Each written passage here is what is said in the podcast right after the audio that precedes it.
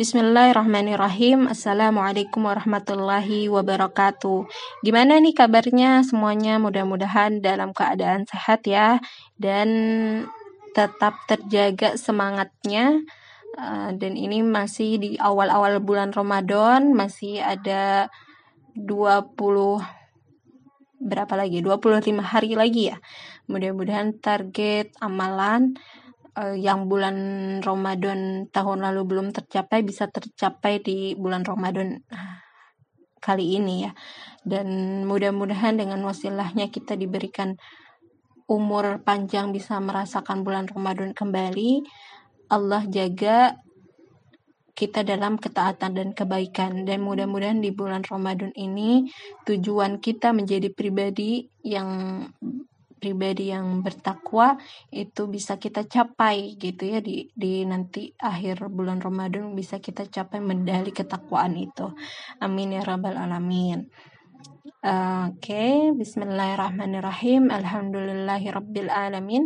Wassalatu wassalamu ala asyrafil anbiya'i wal mursalin wa ala alihi wa sahbihi ajmain amma ba'd. Oke, sebelum kita belajar, alangkah baiknya kita berdoa memohon ilmu uh, agar ilmu memohon ilmu yang mudah kita fahami dan bisa menjadi bermanfaat gitu ya, bermanfaat untuk uh, kita atau mungkin untuk lingkungan kita. Gitu ya. Allahum Allahumma adimna ma yanfa'una wa anfa'na bima adamtana wajidna ilman. Allahumma as'alukal hudan wa tuqan wal afaf wal ginna. Amin ya rabbal alamin.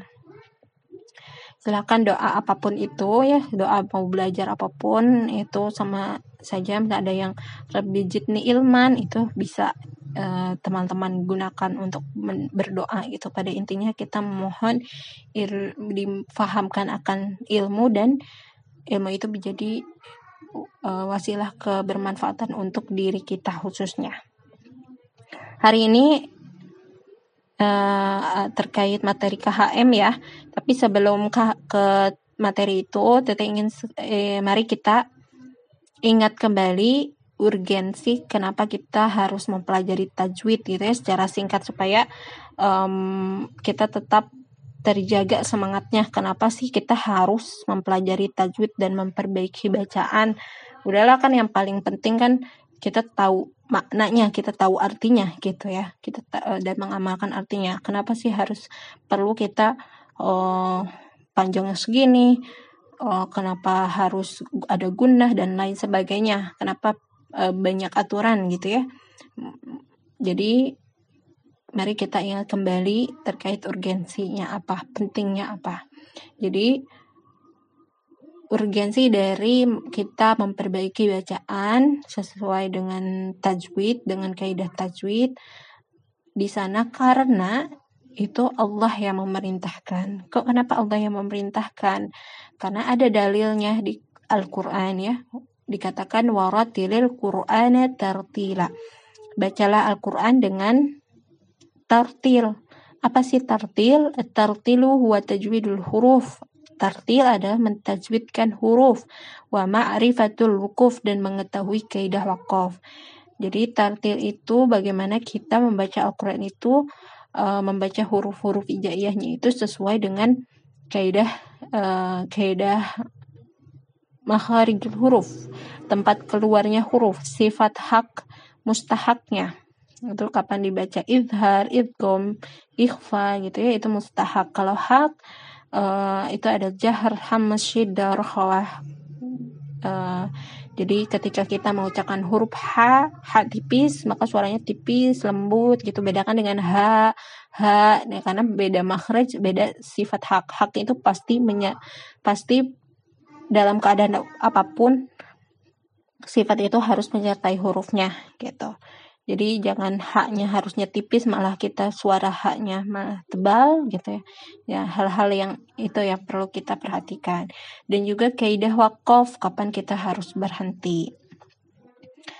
Kemudian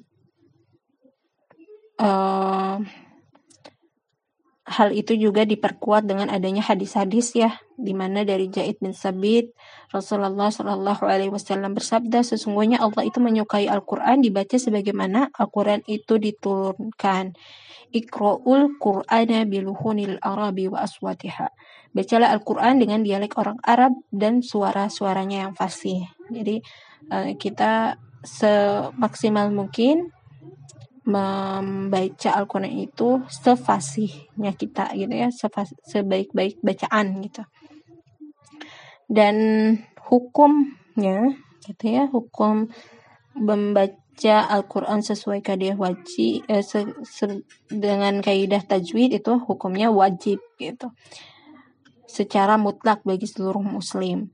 Barang siapa yang membaca Al-Quran membaca yang sengaja tidak mengamalkan ilmu tajwid saat baca Quran maka ia akan berdosa karena hukumnya fardu ain gitu ya. Sedangkan mempelajarinya terkait teorinya apa kapan itu idgham, ikhfa dan lain sebagainya itu fardu kifayah di mana kalau misalkan salah seorang di antara kalian sudah mempelajari ilmu tersebut hilang kewajiban atas yang lainnya.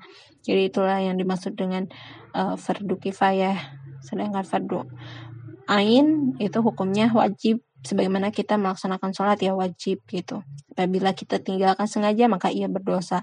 Tetapi jangan sampai menggunakan hukum ini artinya kita nggak membuat kita nggak mau baca Quran karena takut berdosa. Nah, jangan justru dengan kita tahu kita belum benar bacanya, kita justru harus lebih memperbanyak bacaan. Kita harus memaksimalkan ikhtiar kita untuk memperbaiki bacaan tersebut, cari guru, cari eh, video-video uh, pembelajaran tajwid, gitu ya.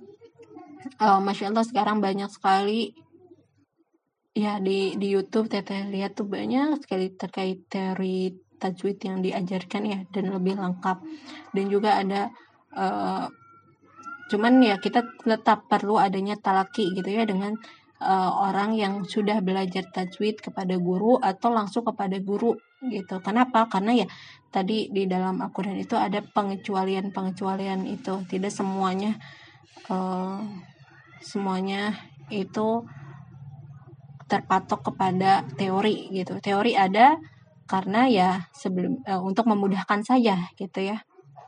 Teori ada itu uh, untuk memudahkan. Jadi kita tidak hanya berpatok kepada teori aja, melainkan kita harus praktek atau talaki langsung uh, benarkah bacanya sudah benar atau tidak. Itu. Jadi jangan sampai dengan uh, hukum tersebut artinya kita nggak mau baca Quran karena takut berdosa.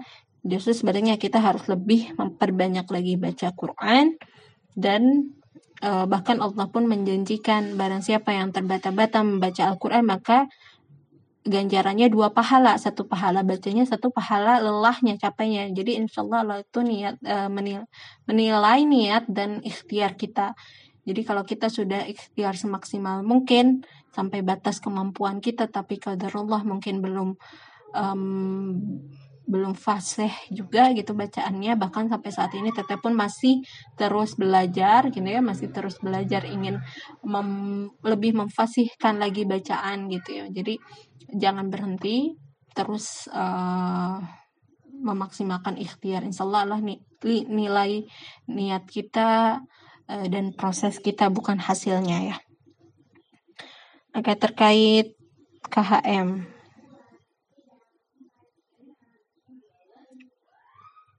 huruf mantul. Jadi huruf mantul ini kan hurufnya kalau dulu dikenal ada e, baju di toko ya. Jadi lima huruf itu yang e, perlu kita kol-kolahkan atau pantulkan. Selain huruf itu tidak boleh.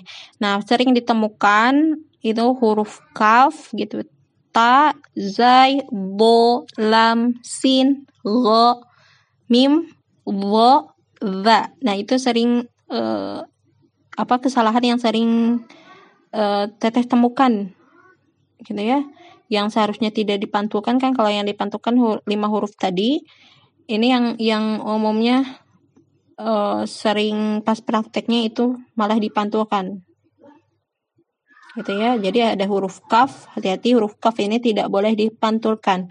Kemudian huruf ta kemudian huruf zai kemudian huruf uh, lo kemudian huruf lam kemudian huruf sin hu kemudian huruf go lain huruf mim am am jangan ya al al nah lam itu paling paling sering ditemukan. Kemudian zal val. Kemudian ada lo, lo. Nah ya, jadi uh, diingat-ingat ada lima huruf yang uh, perlu dipantulkan. Dan nanti ada juga ininya ya, handbooknya. Nanti teteh share handbooknya terkait um, materi ini. Jadi uh, lima huruf tadi juga berbeda pantulannya. Jadi dibagi dua, ada yang pantulannya ke huruf E, ada ke huruf O. Jadi huruf apa sih yang pantulannya ke huruf E itu ada ba, jim dan dal. Ab, ab, aj, aj, ad, ad.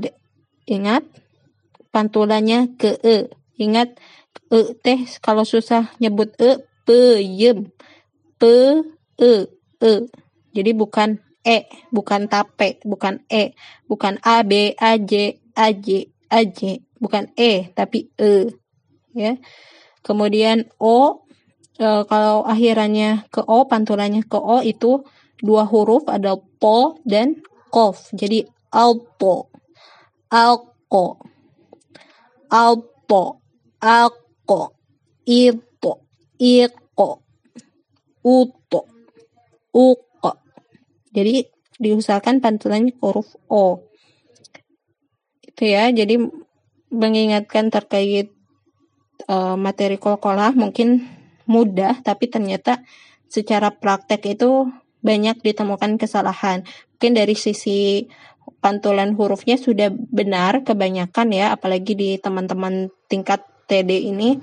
Kebanyakan sudah betul uh, sudah mengetahui kaidah kaidah kaidah kol-kolah ini ya. Ada lima huruf yang perlu dipantulkan dan pantulannya ada yang ke e ada yang ke o namun di sisi lain pas prakteknya ada huruf-huruf yang seharusnya tidak dipantulkan malah dipantulkan. Nah ini yang perlu diperhatikan dan paling dominan yang biasanya teteh temukan ada huruf lam gitu ya. Dari tadi ada ada kaf ta zai bo sin goin mim bo the itu. Yang sering uh,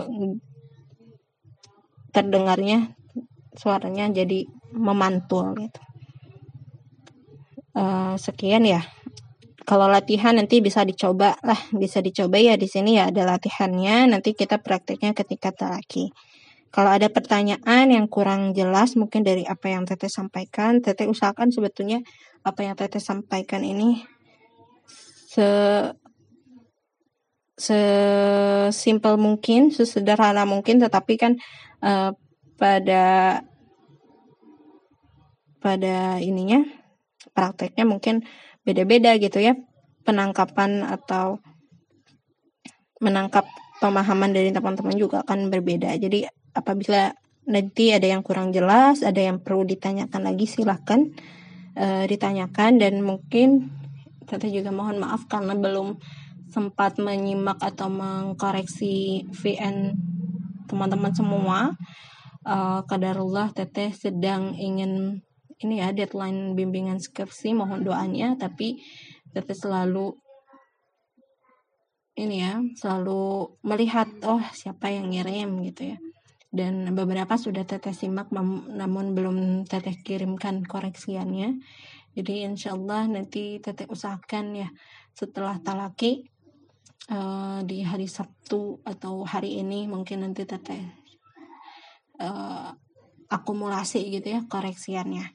Dan mudah-mudahan teteh juga sempatkan di setiap pekan ini talakinya mesti jalan gitu ya. Dan kenapa di dua hari kan karena kalau misalkan ba'da maghrib itu kan mepet ya ke isya.